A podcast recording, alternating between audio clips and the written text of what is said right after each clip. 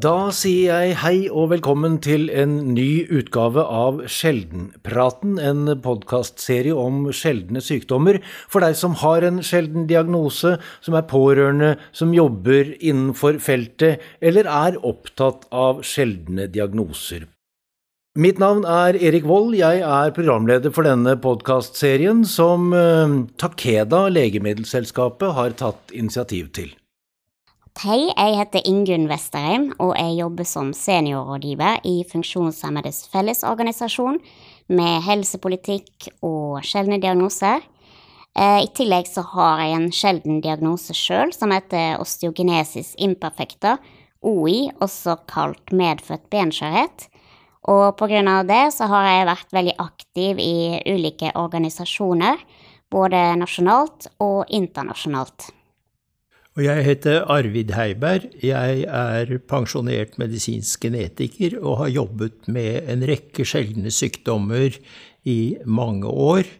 Akkurat nå sitter vi på Frambu, som er ett av ni kompetansesentra for sjeldne sykdommer, og som har spilt en stor rolle når det gjelder å organisere og grunnlegge og gi et kurstilbud og opplysningstilbud til mange av de sjeldne gruppene. Hjertelig velkommen skal dere være begge to. Og Arvid, i den første episoden så gratulerte vi deg og gjorde stas på deg som kommandør av St. Olavs orden for ditt eh, lange virke innenfor sjeldenfeltet. Men Ingunn, du har jo også en pris. I februar i år så fikk du da den høythengende Black Pearl Award. Det stemmer, det var veldig hyggelig. Eh, og den er eh, en pris som blir utdelt av den europeiske paraplyorganisasjonen for sjeldenorganisasjoner, Eurordis, som har 950 eh, medlemsorganisasjoner. Og den blir delt ut til personer som har gjort en særlig innsats for sjeldne diagnoser, enten generelt eller spesielt for én diagnose. Og det har du eh, til de grader gjort eh, gjennom mange år, og sammen med din eh, gode venninne Rebekka, som du delte prisen med, eller dere fikk hver deres?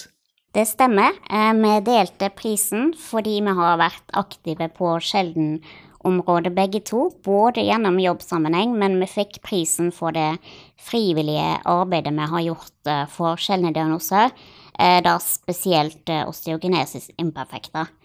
Eh, det er litt morsomt, fordi jeg møtte jo Rebekka første gangen på Frambu når vi var elleve år. Og det var jo også her jeg møtte Arvid første gang, når jeg bare var fire år. Fordi jeg var med på den samlingen der den norske OI-foreningen ble stifta i 1979. Sammen er vi sterkere, har vi satt som eh, tittel på denne episoden i Sjeldenpraten-serien, Arvid. Og nettopp uh, Frambu står veldig sentralt i dette spørsmålet om å være sammen. Ja, Frambu var opprinnelig Arbeiderpartiet, arbeiderbevegelsens Kall det leirsted. Man arrangerte sommerleir, og etter hvert ble det da slik at man ga tilbud til forskjellige grupper av funksjonshemmede. Eh, og etter hvert så skjedde det en omfordeling av hvilke grupper man interesserte seg for, fordi tilbudet for de vanlige sykdommer ble bedre i samfunnet. Så som en av de første Først var bløderne, så kom en gruppe som heter cystisk fibrose, og så kom osteogenesis imperfecta, eller OI, som de gruppene som ble tidlig grunnlagt her på Frambu. Og fordi man hadde den organisasjonsmessige bevegelsesbakgrunnen som man hadde, så så man betydningen av at disse foreningene ble organisert som en gruppe. Og det har betydd veldig mye, og hvor Norge har vært veldig tidlig ute med det at de foreningene bokstavelig talt skulle stå i, på egne ben, selv om akkurat for din gruppe, Ingunn, så var kanskje ikke det lett å komme på beina. Men organisasjonstanken, det at man selv skulle på en måte gripe fatt i sin egen situasjon og gjøre noe for hverandre, har betydd mye. Ingen, hvordan står det til med samhold og samarbeidet innenfor dette feltet i dag? Altså, i den norske OI-foreningen så er det jo fortsatt et veldig sterkt eh, samhold og miljø. Eh, jeg tror folk er veldig triste for at de ikke har kunnet møte hverandre på ganske lang tid nå eh, pga. korona. Vi hadde jo vårt årsmøte i, i helga på Zoom, og det var litt over 30 deltakere, som jeg tror det er nesten det meste en kan forvente på en sånn digital samling. Men vanligvis så er vi jo over 100 personer eh, på våre medlemssamlinger som er åpen for folk i alle aldre. Det er en viktig arena for likepersonsarbeid, der eh, foreldre kan snakke med foreldre til barn som har samme diagnose, barn møter barn, men også det at barn møter eldre personer med diagnosen og få noen rollemodeller, og folk ja, de ser at folk har tatt utdanning, arbeid, og det tror jeg er veldig eh, viktig eh, rolle som organisasjonene for sjeldne diagnoser har. Jeg tror jeg skjønner, men si likevel litt uh, mer om likepersonsarbeid for, for, de som ikke er inne i terminologien. Hva er det? Ja, det er jo eh, noe som har vært eh, hva skal jeg si, systematisert og organisert i mange år i Norge. Fordi eh, eh, Jeg husker ikke helt når det skjedde, men jeg tror det var på 90-tallet at eh, organisasjonene begynte å få egne tilskuddsmidler til det som ble kalt for likepersonsarbeid. Og det betydde rett og slett å organisere samlinger og kontakttilbud, f.eks. telefontjeneste eller ja, mellom personer som har eh, samme erfaring. Så du kan ikke drive likepersonsarbeid mellom en fagperson og en som har en sjelden diagnose, men det er rett og slett erfaringsutveksling og dele kunnskap og bekymringer og med folk som har vært i samme situasjon. Eh, det er gjerne en som har mye erfaring, som er likeperson, og som skal ta vare på de som, nye som kommer inn og kanskje akkurat har fått en diagnose. Hvis jeg kan legge til, så har jo dette et fint ord, nemlig empowerment. Det å myndiggjøre. Og det har det vært forsket og sett på. Som Ingunn beskrev, så har det en rekke effekter sett som fra overordna side, med at eh, kunnskap gir bedre helse. Man utnytter helseressursene bedre. Man bruker faktisk mindre medikamenter, og man blir mye mindre frustrert ved å prøve seg i forskjellige retninger.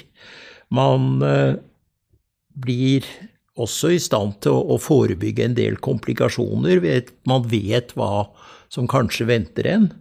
Og i noen grad har dette også ført til at man har fått bedre sentralisering i helsevesenet, mer spesialistkompetanse på de enkelte sykdommer, slik at både har det vært bedre for pasientene, men det har også vært morsommere for doktere å skaffe seg en bredere erfaring. Og det gjelder altså mange ting. I Norge er vi relativt få, og det betyr at for de sjeldne gruppene hvor det er langt mellom enkeltpasientene, så er det viktig med en viss grad av sentralisering og det vi kan kalle med et fint ord kompetanseoppbygning, som da går begge veier. Det går fra pasientene, som forteller helsepersonfolk hvordan de har det, og at man da også kan bringe det tilbake.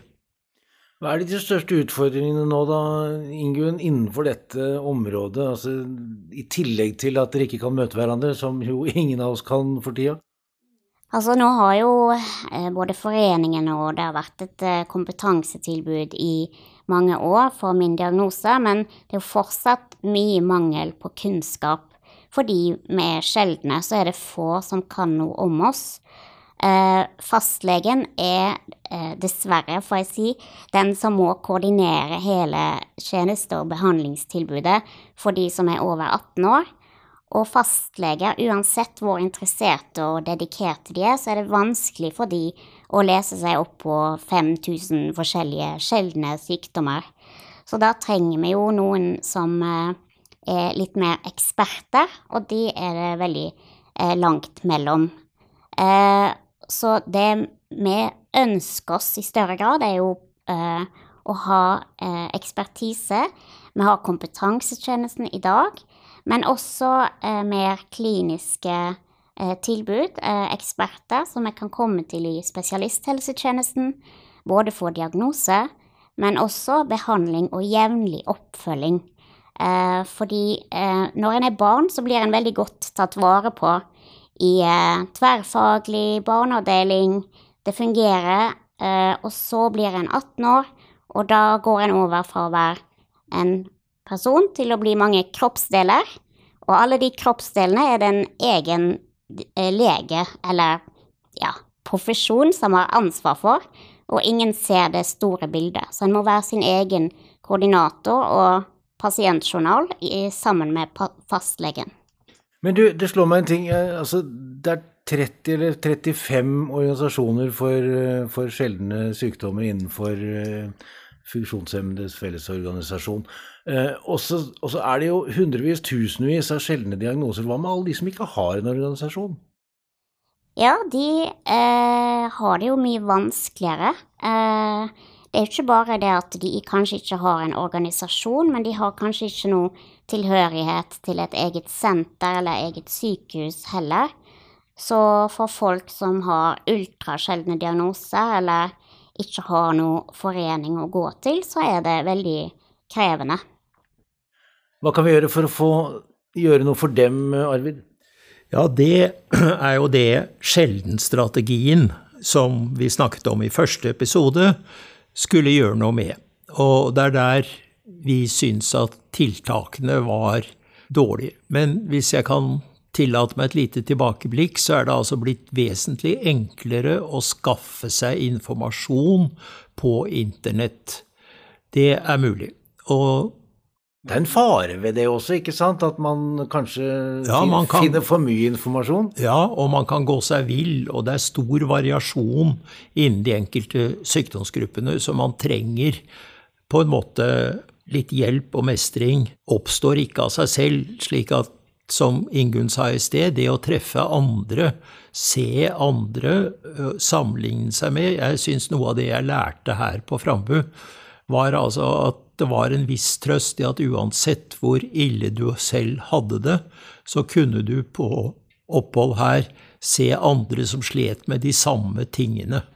Og det var ikke bra, men, men det ble allikevel på en måte litt hjelp i fortvilelsen. Men det å skaffe seg kunnskap, mestring, øh, er viktig. Det å få bygget kompetanse, samle noen som vet litt mer, blir også viktig. Og så er spørsmålet hvordan kommer vi videre i informasjonsteknologiens tidsalder? Og da er altså Facebook-grupper, f.eks., for, pasienter Da skal det bare være pasienter og ikke fagpersoner med. Men hva jobber dere med, Ingunn, når det gjelder denne typen? Hvordan ser fremtiden ut? Ja, Facebook-gruppe kan være en veldig bra ting eh, for hva skal jeg si, likepersonsarbeid på eh, både nasjonalt og internasjonalt nivå. Fordi det kan være ting som er såpass spesielt at det er bare noen få i ulike land som har den problematikken. Men som Erik nevnte, det kan også være en kilde til forvirring. Særlig på det området som du har ansvar for, Arvid. Genetikk er veldig vanskelig. Og i forhold til OI så er det stor forvirring i pasientmiljøet om de ulike typene OI, klassifisering, hva som er forskjellen på klinisk diagnose og genetisk diagnose. Og jeg vil påstå at der hjelper ikke disse Facebook-gruppene i det hele tatt. Vi trenger rett og slett pasientorganisasjonene og eh, klinikerne til å veilede folk eh, på dette området, fordi for, forvirringen er total. Ja, genetikk er vanskelig, men Man trenger altså faktisk en pasientgruppe som kan spørre. Man trenger noen å spille mot for at man skal kunne komme videre. Og jeg husker at på det første kurset som var her i 1979, så hadde vi grovt sett to typer. De som hadde brudd som kom etter ettårsalderen, og de som hadde mange brudd fra fødselen. Men det viser seg altså at det er et stort spektrum. Offisielt så regner vi nå at det er en 11-12-13 grupper, eller kanskje mange, mange, mange fler. Altså hver har så å si sin sykdom. Så det er blitt vanskelig. Men eh, det er et visst system i galskapen. Men man vet altså mer, men vi er ikke kommet veldig mye lenger når det gjelder å finne behandling som er rettet mot årsaken, selv om man prøver. Er noe som er blitt bedre. Benskjørhetsbehandlingen generelt er noe som sparer en del brudd hos små barn, og det er viktig. Men eh, vi er fortsatt ikke i mål, og så jobber man da bl.a. på svensk side med et forsøk med stamcelleterapi. Hvordan det er, vet vi ikke resultatene av ennå. Så var det altså da eh, Nordic Rare Disease Summit, eh, og der var dere to begge eh, aktive deltakere. Du Arvid som foredragsholder, og du meget ivrig i debatten, Ingunn. Hva er det viktigste som kom frem på det toppmøtet, Arvid? Ja, Det var delt i tre deler. Den første delen gikk på spørsmålet om hvordan kan vi raskere stille en diagnose, forkorte det som populært kalles en diagnostisk odyssé. Og svaret på det er at moderne gensekvensering hjelper mange til en mye raskere diagnose. Det tar forhåpentligvis ikke disse fem, seks, syv, åtte årene som vi snakker om. Det andre var det vi nettopp var innom, det som vi da kalte empowerment, eller hvordan styrke pasientfamilienes evne til å ta hånd om egen situasjon. Det å lage organisasjoner av folk i samme situasjon, som selv kan sørge for at de får et bedre tilbud, treffer andre og har kontakter i dagliglivet. Og den siste delen av det gikk altså på tilgang på bedre behandling, oss inkludert dyrmedisin, til riktig tid. Og så ble det laget et eh, nordisk eh, veikart, en Nordic Roadmap, eh, som, som da skal peke retningen videre. Hva går den ut på, Ingunn? Den kommer jo med noen anbefalinger om hva slags retning en bør gå i de nordiske landene for å eh, oppnå disse målene. Bedre diagnostisering, bedre empowerment, eller brukermedvirkning om en vil, og lettere, bedre tilgang til eh, nye og innovative behandlinger. Eh, og det, et av de viktigste anbefalingene er jo å ha gode nasjonale strategier som kanskje er litt mer konkrete og forpliktende enn den strategien, eh, strategiutkastet som eh, foreligger eh, for sjeldenområdet i Norge per i dag. Ja, for det var en pen måte å si det på. Det som vi slo fast ganske ettertrykkelig i den første episoden, nemlig det Arvid også var inne på i stad, at det er ikke all verden, den der strategien. Nei, det er mer en virkelighetsbeskrivelse enn det er en strategi, mener vi. Eh, den har veldig lite konkrete tiltak. Den har ikke budsjettmidler, og den har heller ingen evalueringsmodell for hvordan en skal sjekke om en faktisk har oppnådd det en sier en eh, vil endre. Så eh, vi mener at en bør følge anbefalingene for dette Nordic eh, Roadmap, og, men også eh, anbefalingene som har kommet på europeisk nivå. Det har vært en prosess som heter Rare 2030, og en av de viktigste anbefalingene der er at en må ha forpliktende nasjonale strategier i alle europeiske land som har konkrete tiltak, budsjettmidler og evalueringsmetoder, og der har pasientorganisasjonen en viktig rolle for å være litt vaktbikkje på om utviklingen går i riktig retning. Hvordan skal man få disse til å spille sammen, da? Arve? Nei, jeg er varmt enig i det som Ingunn sa. Altså, det jeg syns danskene kunne lære oss, var at man skulle drive det som da i moderne språk heter benchmarking, som du kalte å måle.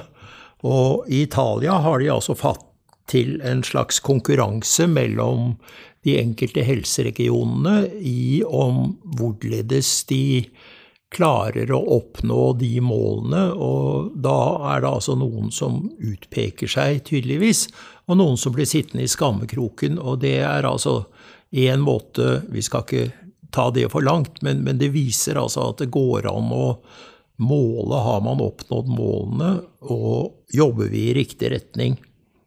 Og det syns jeg var noe av det vi kunne lære. Det andre som jeg syns var interessant, var altså at på Island har de doblet antallet sjeldne diagnoser. Og det har en spesiell bakgrunn.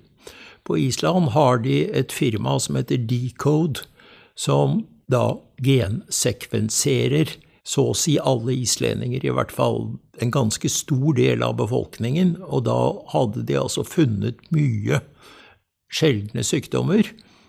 Ikke at ikke sykdommene var der, og ikke at pasientene ikke hadde eh, hatt symptomer, men de hadde fått en diagnose. Og det syns jeg altså var eksempel på at man finner med moderne kunnskap, bruker moderne metoder, en del svar som mangler. Så de to tingene, ved siden av dette med da styrke pasientsiden av dette, syns jeg var det viktigste som kom ut av konferansen. I tillegg så har jo eh, begge disse nordiske og europeiske anbefalingene eh, en slags eh, anbefaling på hva slags emner som bør være med i en minimumsstrategi. Og eksempel dette med tilgang til behandling er jo knapt berørt i den norske strategiutkastet. Vi mener jo i Funksjonshemmedes Fellesorganisasjon at det norske systemet for å, å godkjenne og eh, hva skal jeg si, eh, innføre nye legemidler overhodet ikke er tilpassa eh, sjeldne diagnoser eller persontilpassa medisin, eller det som heter avansert behandling, som f.eks. genterapi og stamceller.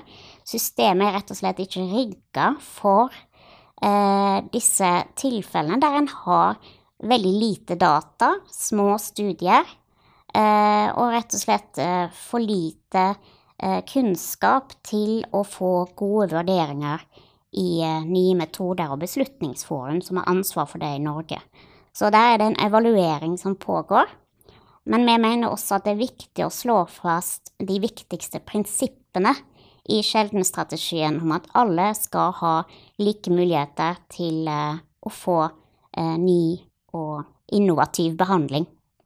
Hvordan opplever du myndighetenes og politikernes vilje? Liksom, det er litt, litt, litt stort, litt generelt spørsmål, men sånn overordnet, hvordan er viljen til å, til å ta dette på alvor? Um, jeg oppfatter at uh, nå har uh, byråkratene veldig lyst til å si at uh, nei, det pågår en evaluering av nye metoder. Derfor vil vi ikke omhandle dette i strategien i det hele tatt. Jeg tror det er lite kunnskap hos politikere. veldig mange er opptatt av at disse legemidlene er veldig dyre De koster veldig mye. Eh, og det er jo fordi de er spesielt utvikla for sjeldne tilstander. Eh, men det er også andre aspekter ved problematikken som det er viktig å være oppmerksom på. Og det er rett og slett hvordan disse sjeldne tilstandene passer inn i hele prosessen. Og der trengs det tiltak for å i hvert fall eh, gjøre eh, muligheten for å få Eh, tilgang eh, like stor som f.eks. folk som har eh, større diagnoser som kreft eller hematisme eller ja. Det er uttalte overordna politiske mål, som Ingunn sa, om at alle skal ha en likeverdig tilgang til behandling. Men i praksis er ikke det tilfellet, og gapet gapet mellom hva vi kan tilby, og hva vi tilbyr, er økende. Og politisk er det uønsket med todelt helsevesen, men det blir altså slik at noen må se seg rundt etter andre finansieringskilder enn det vi kan tilby i sykehussystemet. Og det er altså et problem i forhold til hva tror folk at de får den beste behandling eller ikke. Eh, og det gapet ser jeg sannsynligvis kommer til å øke av økonomiske grunner. Jeg vil nok opprinnelig også si at en av grunnene til å engasjere seg i pasientforeningenes arbeid er å kunne gi realistiske forventninger om hva som Eh, er tilgjengelig, eller så er det altså vanskelig å følge med hva skjer på feltet. Men i økende grad av det vi kaller persontilpasset medisin, vil dette være snakk om individuell behandling innenfor de enkelte gruppene. En annen ting som er Altså, det er veldig stor eh, mangel på kunnskap om hvor mange det er som har forskjellige sjeldne diagnoser i Norge. Det er jo etablert et sjeldenregister. Eh, men utfordringen der er at det er litt tungvint å komme seg inn i dette registeret. Det er samtykkebasert, og det betyr at en kan ikke nødvendigvis ta eh, alle dataene som de ulike kompetansesentrene sitter på. Eh, hvis det hadde vært eh, forskriftsbasert, sånn som Kreftregisteret f.eks., eller Fødselsregisteret, så hadde en fått raskere en mye bedre oversikt over hvor mange som har ulike sjeldne diagnoser i Norge. Og det hadde kanskje gjort det lettere å både ta beslutninger om behandling, tjenestetilbud osv. Ja, jeg har jobbet i mange år med det som heter forskningsetikk og medisinske forsøk i særdeleshet. Og der er vi på vei til et bedre system med det som kalles for reservasjonsrett, og ikke nødvendigvis et samtykke. Men det er riktig som Ingunn sier, vi burde ha bedre registre, mer detaljerte registre, slik at vi fant de pasientene som var aktuelle for denne spesielle typen terapi. Behandling som nå er underveis og rundt hjørnet, Plutselig kan det være noe som er av avgjørende betydning, og da har vi ikke gode nok systemer for å finne pasienter. Det er avhengig av at noen kommer på at en sånn pasient har jeg en gang sett. I tillegg så har en jo dette med ORFA-kodene, som er at en rett og slett må merke disse sjeldne eh, pasientene i de vanlige systemene og registrene. Og per i dag har ikke Norge tatt i bruk Orfa-koding. Det betyr at hvis du f.eks. går til en hjertelege eller til en undersøkelse et eller annet sted i spesialisthelsetjenesten, så blir det ikke Det kan ikke kobles mot den sjeldne diagnosen i andre systemer. Fordi eh, den kodeverken har i Norge i dag, er altfor eh, Hva skal jeg si eh, lite detaljert. Eh, derfor anbefaler jo flere fagmiljøer og brukerorganisasjoner at en tar i bruk disse ORFA-kodene for at det skal bli lettere å finne folk i systemet. Hvem er det som bestemmer at man skal ordne dette da, professor? Ja, Det må Helsedepartementet bestemme som en del av den helsestrategien som da Stortinget skal vedta Altså, det skal utarbeides en stortingsmelding uh, på bakgrunn av dette, og dette har tatt urimelig lang tid. Og de fleste land som det er naturlig å sammenligne seg med, altså de fleste land innen EU, har en slik strategi. Norge og Sverige har faktisk ikke. Ingunn og Arvid, vi nærmer oss eh, slutten på denne episoden. Jeg må spørre dere begge to helt til slutt, fordi dere har altså viet eh, ja, nesten hele livene deres til, eh, til, dette arbeidet, og dere har møtt litt motgang, men dere er fortsatt optimister begge to? Ja, det må jeg bare si at jeg hadde ikke hatt trua på at vi faktisk kan påvirke i riktig retning så hadde jeg ikke orka å legge ned så mange timer i frivillig arbeid på rett og slett eh, alle disse temaene. Så vi må jo bare ha trua. Men eh, det, det krever litt eh, påvirkning, og det krever samarbeid mellom mange aktører. Jeg er fortsatt optimist. Jeg syns det er grunn til å si at vi har kommet en veldig, veldig mye lenger enn vi var første gang da jeg møtte OI-gruppa til Ingunn. Det er snart slik at jeg har 50 år i sjeldenfeltet. Eh, og det er mer enn 40 år siden Norsk forening for osteogenesis imperfecta ble stiftet, og jeg syns vi er kommet et godt stykke, men det er langt igjen. Ja, For du må ikke gjøre dette her, eller ikke sant? Du kunne pensjonert deg? Ja, og jeg jobber på overtid, langt på overtid, fordi jeg syns fortsatt at dette er givende. At det gir en mening i å kunne hjelpe de med sjelden diagnose til et bedre liv. Og så er det sånn at Sammen er vi sterkere, det er vi enige om i denne episoden, Ingunn. Og det er mange organisasjoner, og det er mange som jobber med dette. Eh, hvordan skal du få det til å fungere best mulig? Altså, vi må få til godt samarbeid mellom alle de forskjellige aktørene.